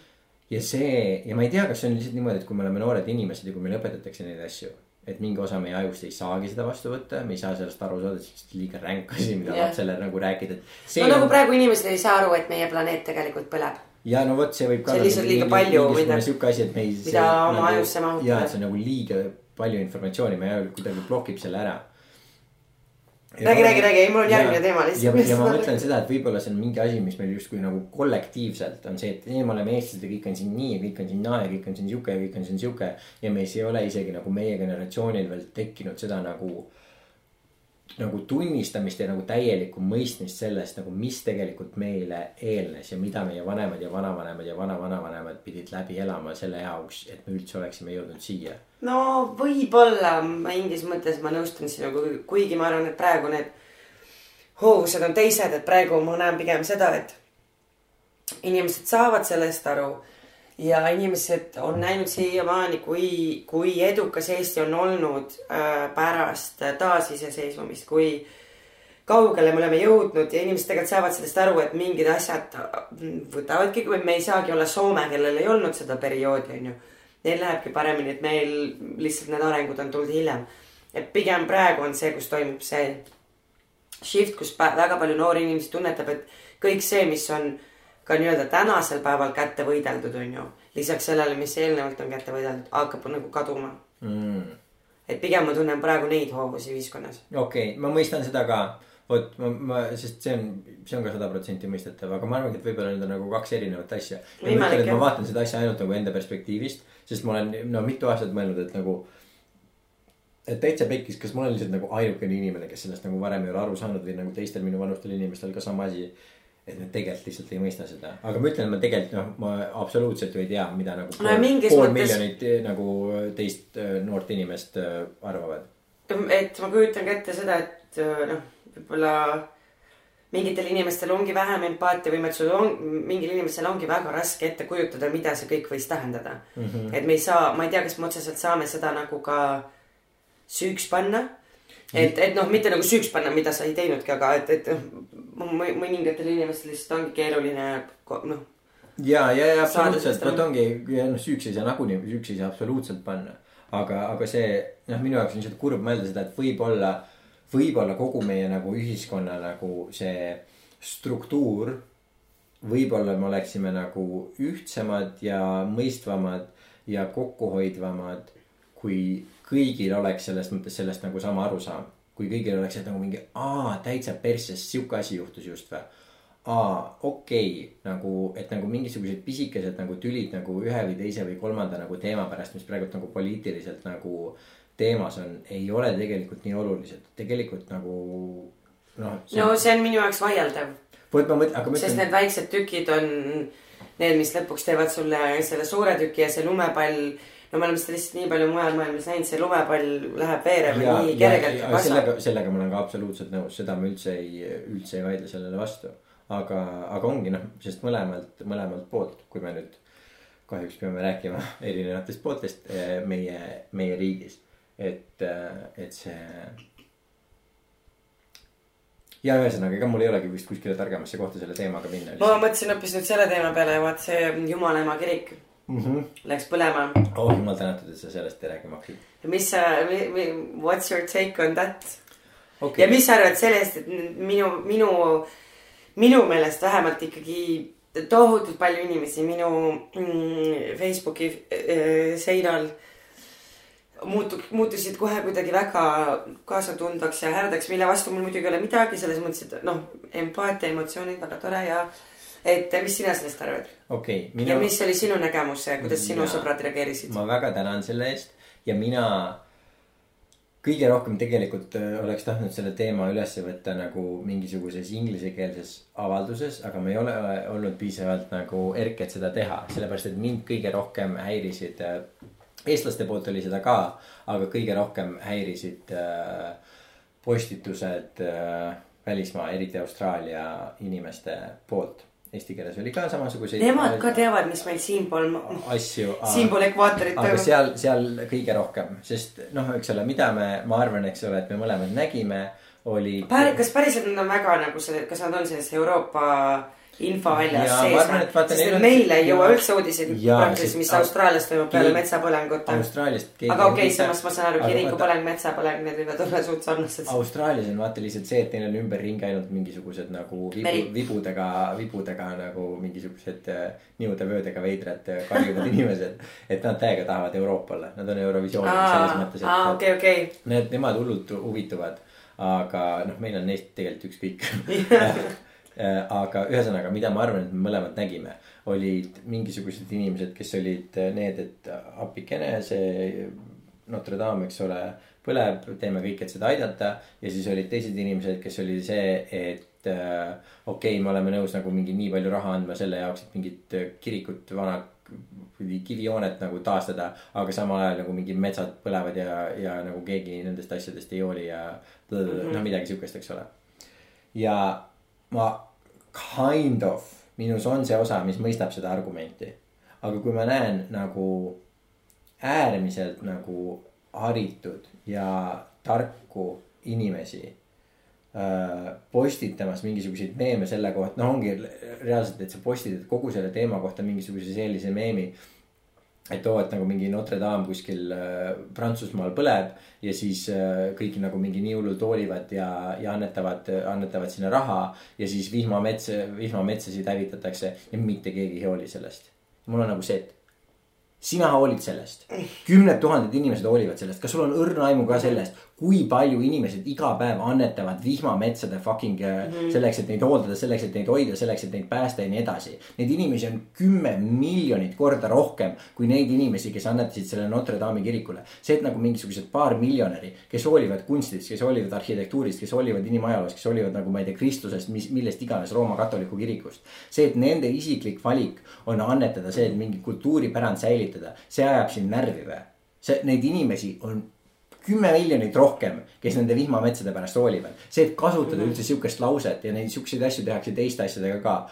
juhtub see asi ja kõik mingi nutavad ja juhtub see asi ja mitte keegi ei hooli. sina ju hoolid ja kui palju on veel sinusuguseid inimesi? sellega ma olen väga nõus. kümme korda see... rohkem, et kui sa tahad selles suhtes, et meil on nagu nii palju, sul on fantastilisi võimalusi selle jaoks, et kas nagu kiruda või kritiseerida seda, mida teevad nagu mingid ultrarikkad inimesed oma rahaga või mida teevad poliitikud või mis on nagu üldarusaam. aga kui sa otsustad sellist asja teha, siis nagu mingi vähemalt vali oma sõnu hoolikalt, vähemalt ütle midagi sihukest, mis on päriselt nagu loogiline. ütle nagu, avalda oma arvamust selle kohta, aga nagu see, et kui keegi on nagu mingi räigelt raha, eks ole, elus kokku ajanud, ükskõik mis, missugusel viisil ja ta otsustab mingisuguse osa sellest kellelegi lihtsalt niisama anda ja siis on see, et aga see ei oleks see, millele mina oleksin selle niisama andnud. no mis siis, teeni ise siis nii palju raha ja anneta siis sellele, kellele sa, sa tahad. Ja nagu kasuta oma keelt korrektselt, sest see on lihtsalt piinlik, kui sa siukseid asju kirjutad. okei okay,, sellega ma olen väga nõus, et selline lauseehitus ja mõtteedastus ei ole kõige parem, aga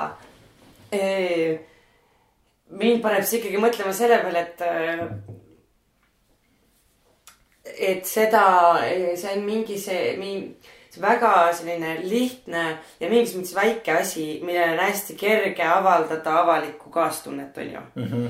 et, ähm, et ikkagi kõik see, mis meie planeedil nagu kliima mõttes toimub, on nii mm, nagu comprehend ja mis see siis eesti keeles on, no hoomamatu või mm? -hmm. nagu, et see on nii hoomamatu mm -hmm. inimese ajuks, et ta nagu ei, ei mõista seda, et kui ma näen nagu maja põleb, sad face yeah. mingi, me tegelikult ei näe seda, kuidas meie planeet hävineb yeah., on ju Äh, aga mu mõte oli ka see, selle küsimusega see, et äh, et kust nagu tuleb see, et, et inimesed, kes pole seal isegi nagu kunagi võib-olla või noh, ma ei tea, kas seal käimine, mina olen seal käinud. ma ei tea, võib-olla ma olen lihtsalt külm ja kaikki küüniline inimene. ja ka siis mitte kristlane, et võib-olla see tuleb ka sellest, et ma, mul noh. jah, selliseid asju juhtub, okei okay ma ei tundnud seda tunnet, et minna kirjutada, et aga no okei okay,, ma ei saa muidugi võtta teistelt inimestelt seda õigust, et minna ja okay.. minna ja elada seda emotsiooni välja nii, nagu nemad seda heaks arvavad. ja no mul on selle, selle, selle, selle kohta näide, miks inimesed niimoodi käituvad. selle kohta on tehtud palju äh, uuringuid. kui sa lähed inimesel äh,, lähed tänaval inimese juurde ja näitad talle pilti väiksest poisist. see väike poiss on Paki ja ta on Süüriast pärit mm. -hmm ja tema kodu on hävitatud. mis asja, Pakid on Pakistanist? ei, Paki on tema nimi lihtsalt. aa, okei. Paki on selle Süüria poisi nimi. okei, äh, selge. Äh, ja tema vanemad on, vanemad on, vanemad on tapetud, tema maja on äh, pommiplahvatuses hävinud. ta on, ma ei tea, šiia usku, nii et tema valitsus ei anna talle nagu kodupaika, mis iganes, eks ole. kas oleksid nõus annetama, ma ei tea kümme eurot. kümme eurot, viis eurot selle jaoks, et väike paki saaks, saaks endale nagu nädalaks ajaks toitu. ainult viis eurot, see, see on nagu see kriisiabi nendele inimestele nii odav, et ainult viie euro eest ta saab nädal aega saab väike paki toitu ja sul on see, et oh my god. absoluutselt loomulikult ma annan, eks ole. ja see protsent inimesi, mis sellisele küsimusele raha annetab, on nagu väga-väga suur, seitsekümmend, kaheksakümmend, üheksakümmend protsenti, suur hulk mm -hmm. inimesi, eks ole. peaaegu kõik inimesed, kellele sa niimoodi seda esitad, anna, annetavad selle raha.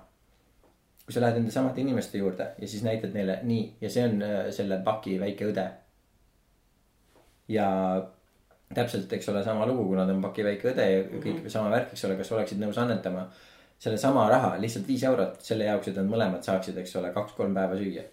pooled inimesed ütlevad, et nad ei taha annetada seda kui sa näitad tervet nende, nende peret ja ütled, et nagu terve nende pere, eks ole, saaks nädal aega süüa sellesama raha eest.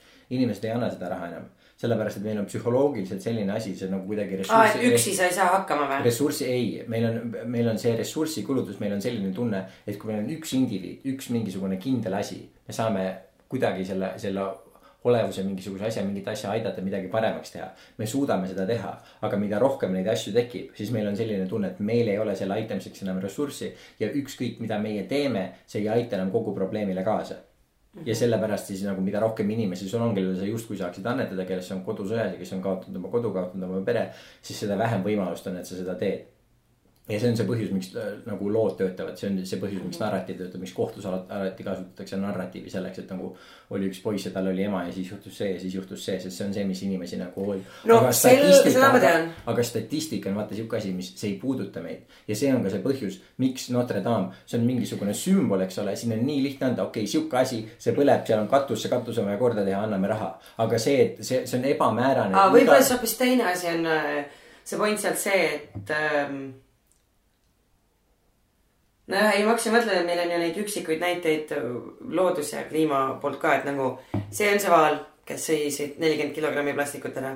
ja, aga sihuke asi töötab. see töötab, aga selles mõttes see ei tööta ikkagi, see töötab vist ikkagi sinnamaale, et inimesed jagavad seda fotot Facebookis, aga see ei tähenda, et nad jätaksid need tomatid ostmata, mis on kilesse pakendatud no just, aga vot jällegi see, see, seesama asi, kuna need asjad nagu sul on nii, see on mentaalselt nii suur töö et nagu teha see nagu need sammud kõik sealt vahelt ära, et mis on see, et sina ostad tomatid kilekoti, sest sa unustasid oma koti maha ja sul on see, et fuck, ma tahan ju tomatit, kas ma hoian kuute tomatit korraga käes. ja hoia pohhu, ma võtan täna selle kilekoti ja see, et jõuda selle sammudega sinna, et see vaal sureb, sureb ära see on lihtsalt ja samamoodi mingid metsapõlengud või see, kuidas metsasid mingi sojaubade jaoks, eks ole, maha võetakse.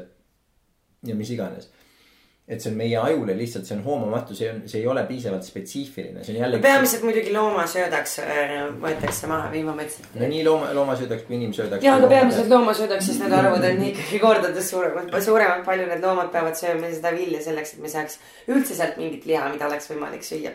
aga see ei olnud meie teema, nii et lähme tagasi selle teema juurde, ma, olen, ma olen sinuga selles mõttes absoluutselt nõus, suurem osa Amazonase vihmametsasid äh, võetakse maha äh, veiste, veiste, veiste karjamaks ja seda ei peaks tegema, seda absoluutselt ei peaks tegema, see ei ole mitte kuidagi õigustatud. ma olen sinuga sada protsenti nõus äh,. aga jah, aga see on lihtsalt see ja, ja ka lihtsalt sellel hetkel, kui sina oled see tüüp, kes on nagu mingisugune Facebookis ja nagu postitab selle kohta, kas sa arvad, et sa teed midagi paremat või?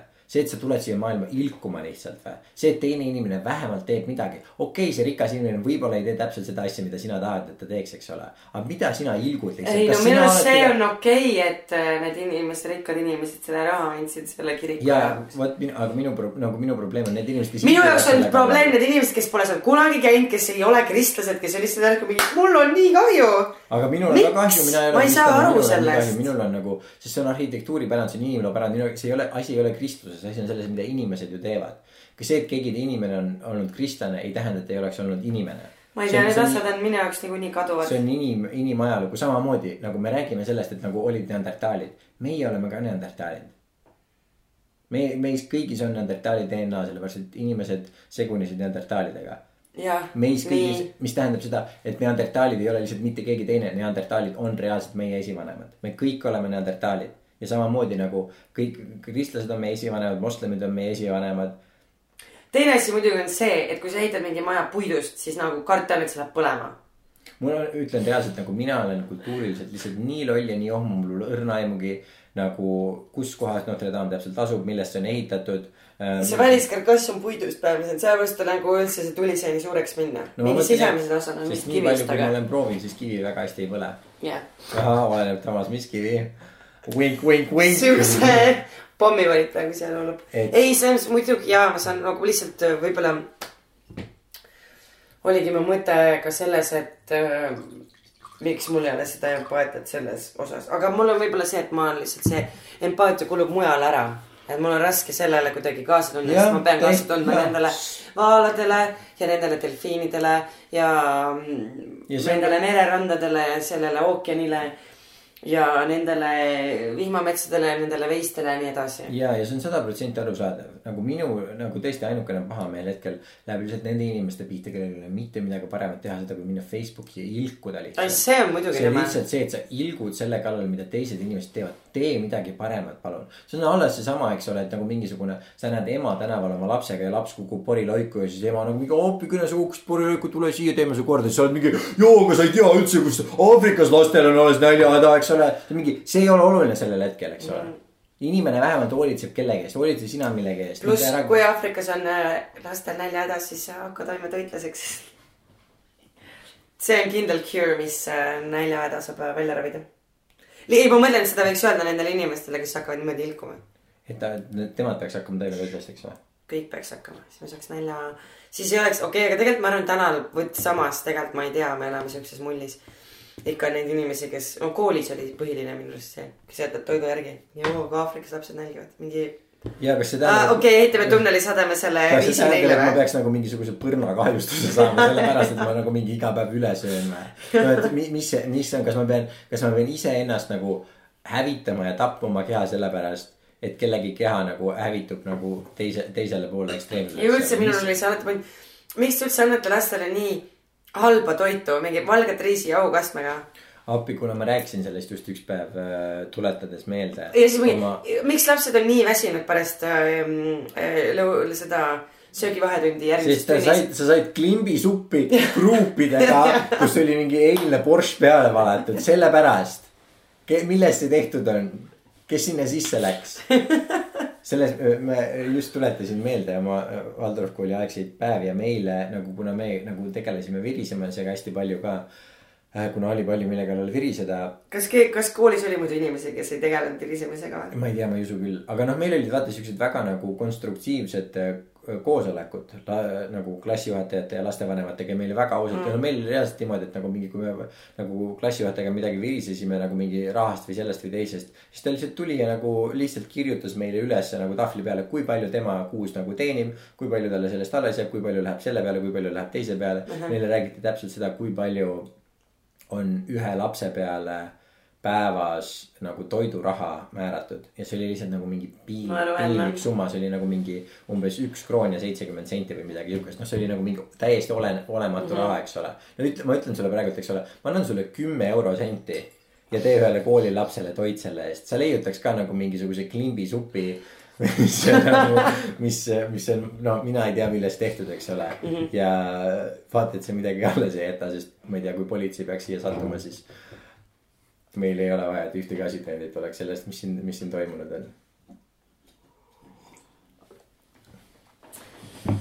jah, võib-olla ei peaks neid äh, tankisid ikkagi ostma, annaks lastele normaalselt süüa ja siis nad ei oleks äkki rasvunud ja me peaks sellega kümme, viisteist, kakskümmend aastat hiljem tegelikult lõppkokkuvõttes see on ju, noh, need on investeeringud, mida ei tehta. vot see oli see neljas, neljas äh, faktor, mis ma tahtsin ennem öelda kõikide nende ras-, rasvumiste asjade kohta on ka see, et meie toit ilmselgelt on ju muutunud lihtsalt nagu mingiks räigeks kiirtoiduks. ma täna lugesin no äh, kuna ma olin, kuna ma olin täna, eks ole, pikutasin neli tundi EMO äh,. kartuliha ja jahukaste, see ei ole ju toit. pikutasin, no see on vähemalt nagu midagi. okei okay,, see on nagu, aga see okei okay,, tegelikult sihukest asja ei olnud koolis kunagi Äh, et oleks kartuliha ja jahukaste korraga. meil oli, meil oli kindlasti. see ei olnud nagu mingi.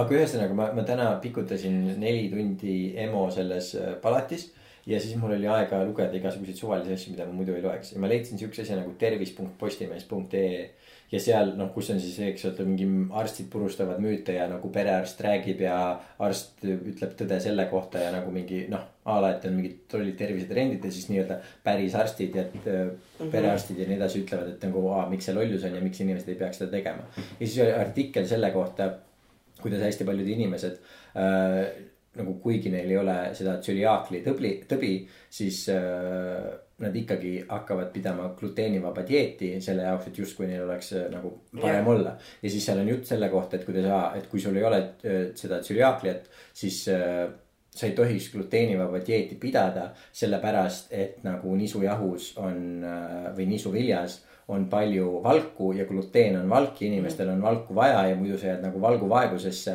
ja, ja kui sa ennast nagu gluteenist hoiad, kui sul gluteeni nagu päris talumatust ei ole ehk tsüliaaklia tõbe, tõbe, siis, siis sa teed endale põhimõtteliselt nagu karuteene sellega. ja ma lihtsalt tahaksin öelda kellele iganes, kes see perearst oli, ma ei jätnud seda nime meelde. aga inimene ei suuda gluteeni seedida, sellepärast et gluteen peale selle, et on valk, on ta ka äh, taimekaitsemehhanism ja kõik valk, kui sa loed, kui sa loed, võtad mingisuguse, kas nisujahu või nisu. noh, mis iganes nisutoote sa võtad ja kui sa loed, kui palju selles asjas äh, valku sees on. siis nagu kahe, kaheksa. minimaalne. ka ei, aga isegi nagu, sest nagu mida kõrgema ma olen töötanud, eks ole, selles nisu kohas, kus nisu töödeldakse ja see läheb igale poole maailma müümiseks. ja mida kõrgema äh, selle valguprotsendiga nisujahu on, seda kallim see on, eks ole, kõige -hmm. kallimast seda tehakse seda turum, turumpastat, eks ole mm. -hmm. ja noh, kuni kakskümmend protsenti natukene, natukene peale võib-olla nagu kõige kõrgem äh, see valgusisaldus nisus aga. aga kaheksakümmend protsenti sellest valgust on gluteen ja gluteen, kuigi see on valk siis su keha ei suuda seda see, seedida, sellepärast et see on, see on äh, taimekaitsemehhanism mm, -hmm. see on ka see põhjus, miks inimesed selle vastu on äh, tund, tund, tundlikud ja talumatud. mis tähendab seda, et kõik see gluteen, mida see perearst soovitab, et sa peaksid saama, sest see on valg, su keha ei suuda seda seedida. no sa mina arvan ka piimatoodete kohta ju sama, mina nagu tegelikult piimast sa ei saa kaltsiumi ju kätte, kuigi piimas on palju kaltsiumi, siis inimesena me ei saa lehmapiimast omastada seda kaltsiumi vaid ta pigem viib kaltsiumi meil kehast välja, sest et selleks, et üldse seda nagu kehas ümber töödelda, on meil vaja luudest võtta kaltsiumi välja, et neutraliseerida seda ma enam ei mäleta, mida ja, ei, absoluutselt, absoluutselt, see on. see on sama jutt, mida kõik räägivad, sa pead sööma hästi palju piimatooteid, et kaltsiumi saada. see on, kui ma seal neid teisi artikleid lugesin, see oli ka üks asi, et mida mhm. kindlasti mm, et nagu mõnel inimesel on laktoosi talumatus. aga see ei tähenda, et sa tohiks piimatooteid oma nagu menüüst välja jätta, sest sealt me saame kaltsiumi, see on bullshit. sa ei saa, sa ei saa mitte mingisugust, mitte mingisugust kaltsiumit sealt, see juustust, juustust võib-olla midagi saada, aga ühesõnaga see on nagu väga-väga äh, kahtlane. ja see nagu sihukest paska räägitakse nagu noh, tervise kohta ja nii meie perearstidel kui ka nagu kogu tervisesüsteemil. see, et ma just nägin, ma ei tea, kas see oli kinos või, sest mul telekat ei ole, järelikult pidi kinos olema, kinos näen reklaami äh, sellest toidu, ikka veel reklaamitakse täpselt sama toidupüramiidi, mis mingi seitsmekümnendatel välja mõeldi. kus on see, et sa peaks nagu mingit, ongi nagu teravilja ja piima ainult, eks ole, sööma. -hmm. see on sihuke hunnik paska, et see on uskumatu kui sa oled äh, spordi äh, nagu äh, spordiarst, kes töötab atleetidega ja kui atleedil ei ole piisavalt kehakaalu, mis iganes spordiks, mis tal vaja on.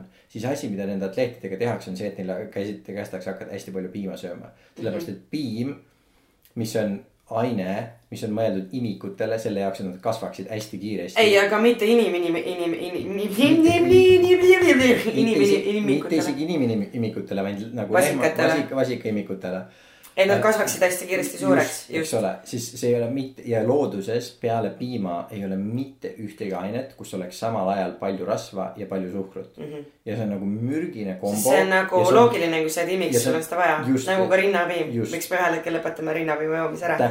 It all makes so much sense. ja, ja siis meil on, meil on kehas selline, selline äh, hormoon nagu IGF-1 äh, immuunoglobuliin faktor, ei no vabandust äh,, ajasin segamini äh, insulin like growth äh,, growth factor üks ja see on see, mida piim äh, kõige rohkem kõige rohkem soodustab selle, selle tõusu meie kehas ja see on see hormoon meie kehas, mis soodustab rakkude pooldumist. ja kui sa oled imik, kui sa tarbid piima, siis sul on seda vaja, sest no shit, sul on vaja kasvada mm. -hmm. ja sellel hetkel, kui sa oled täiskasvanu, see põhjustab ainult kahte asja, rasvumist ja vähiteket nii et äh, väike health piim on out. väike health tip kõikidele meile, meie kuulajatele.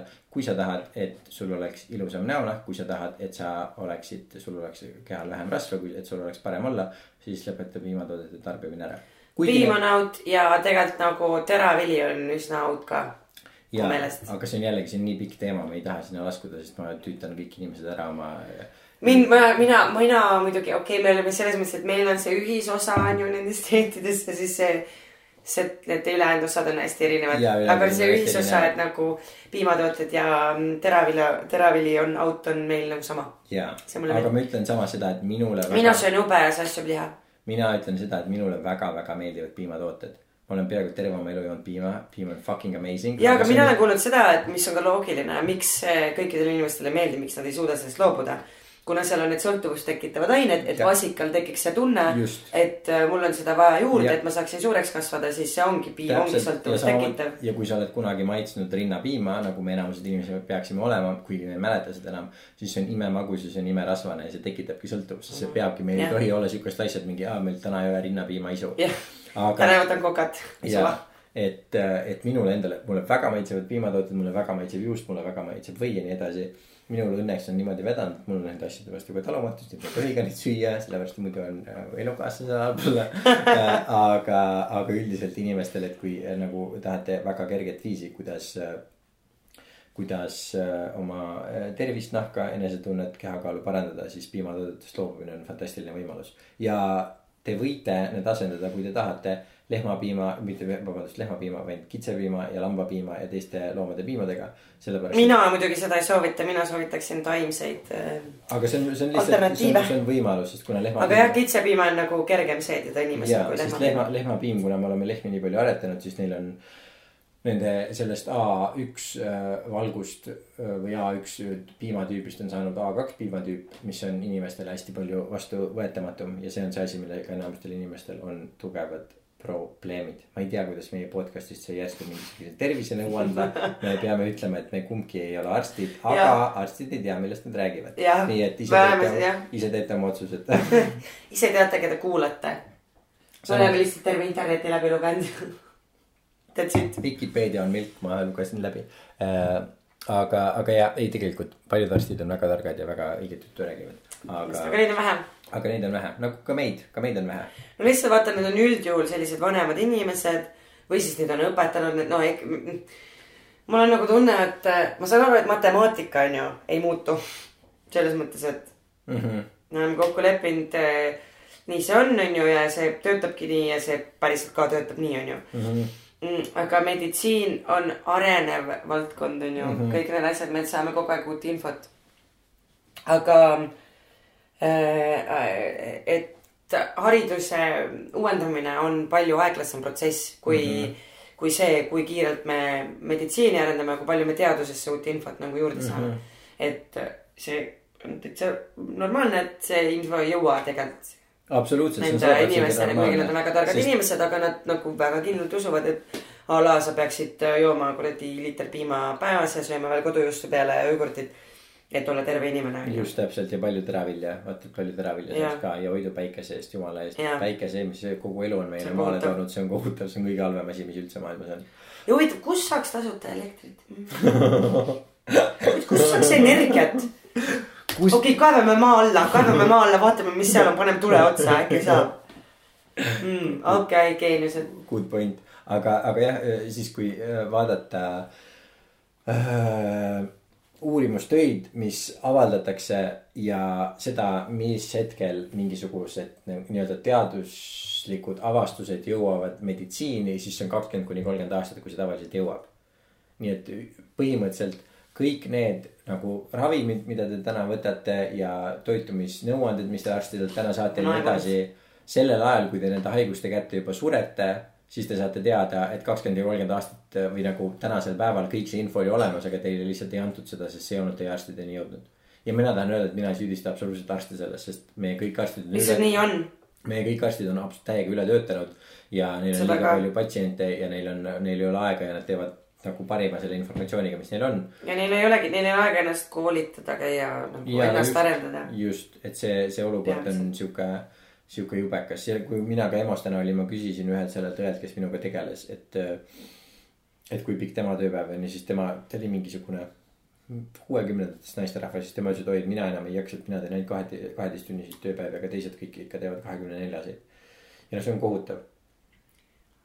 see, vot see on ebatervislik see mitte lihtsalt ei ole ebatervislik, aga äh,.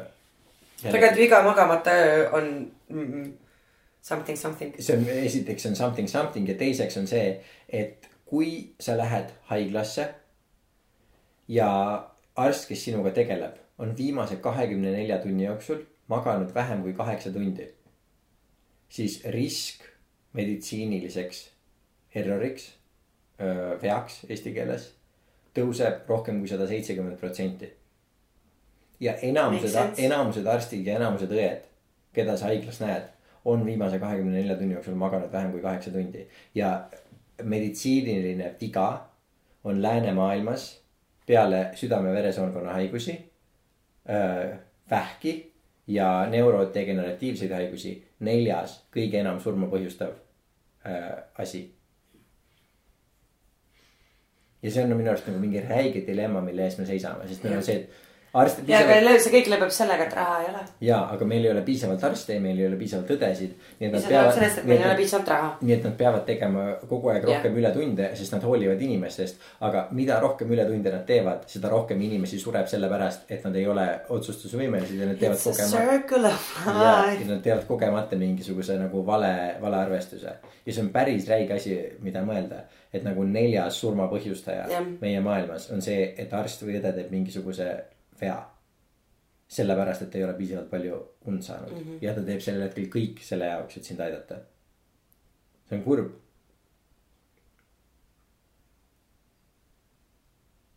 see on tõesti väga kurb nagu nii on, noh. nojah, nii on aga see on hea asi, mida teada teinekord, kui. ehk siis tasub ise olla nagu, mitte sattuda sinna.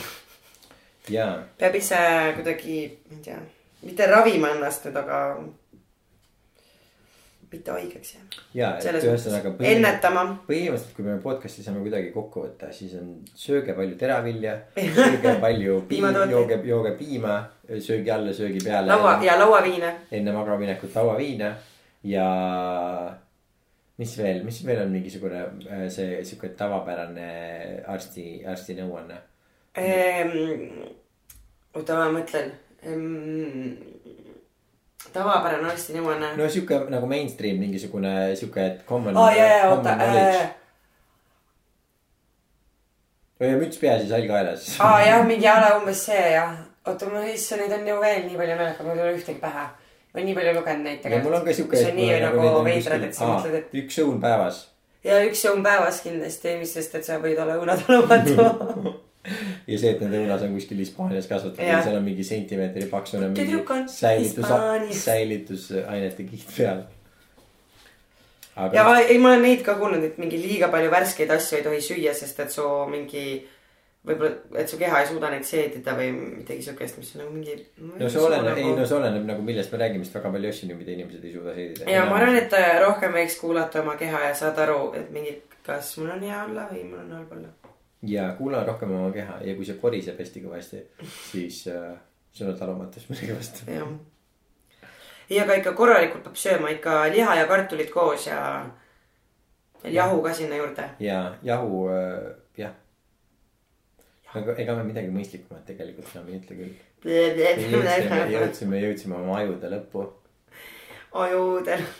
kui kaua aega me rääkinud oleme, Laura? me oleme rääkinud, ei ole tegelikult väga kaua, poolteist tundi. poolteist, aa okei okay,, ma olen normaalne, issand. tublid. kas sul on veel midagi, millest sa tahaksid rääkida? ma tahaks pissida. okei okay,, no super, sest ma tahaksin ka pissida. siis me saame oma mõlemad kuulajad jätta rahule rahule ja, ja kirjutage siis jälle, kes lõppu jõudis, ja kes lõppu jõudis, kirjutage. aga mitte seksiga.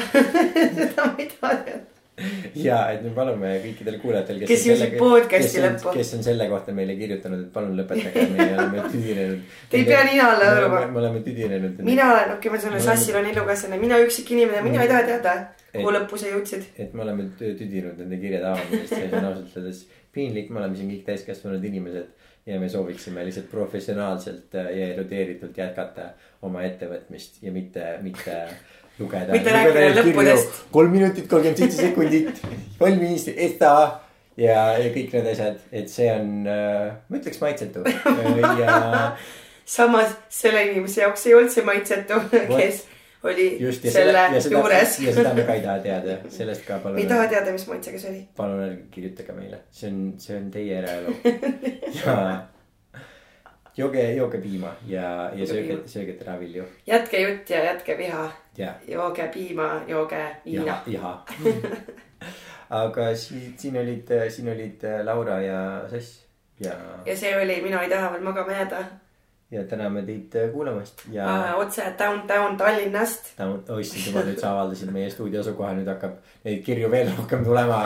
ja adresseerige kirjad kesklinn. ära ütle, et me kastisabas oleme. oh my god, ma just tegin seda. Sina just tegid seda, kesklinn on Issand. suur ja lai, nüüd nad teavad, et me oleme lood olnud. appikene, see tuli lihtsalt nii kogemata välja, issand ja teisel korrusel ära ütle. appikene, no siit ei ole enam mitte midagi siin on päästa., okei okay,, me ei oska ju lõigata ka neid et see läheb kõik eetrisse nagu ta näha. ja no aga aitäh siis, aitäh sulle, Laura. aitäh sulle, Sass. no tšau, paka. tšauki.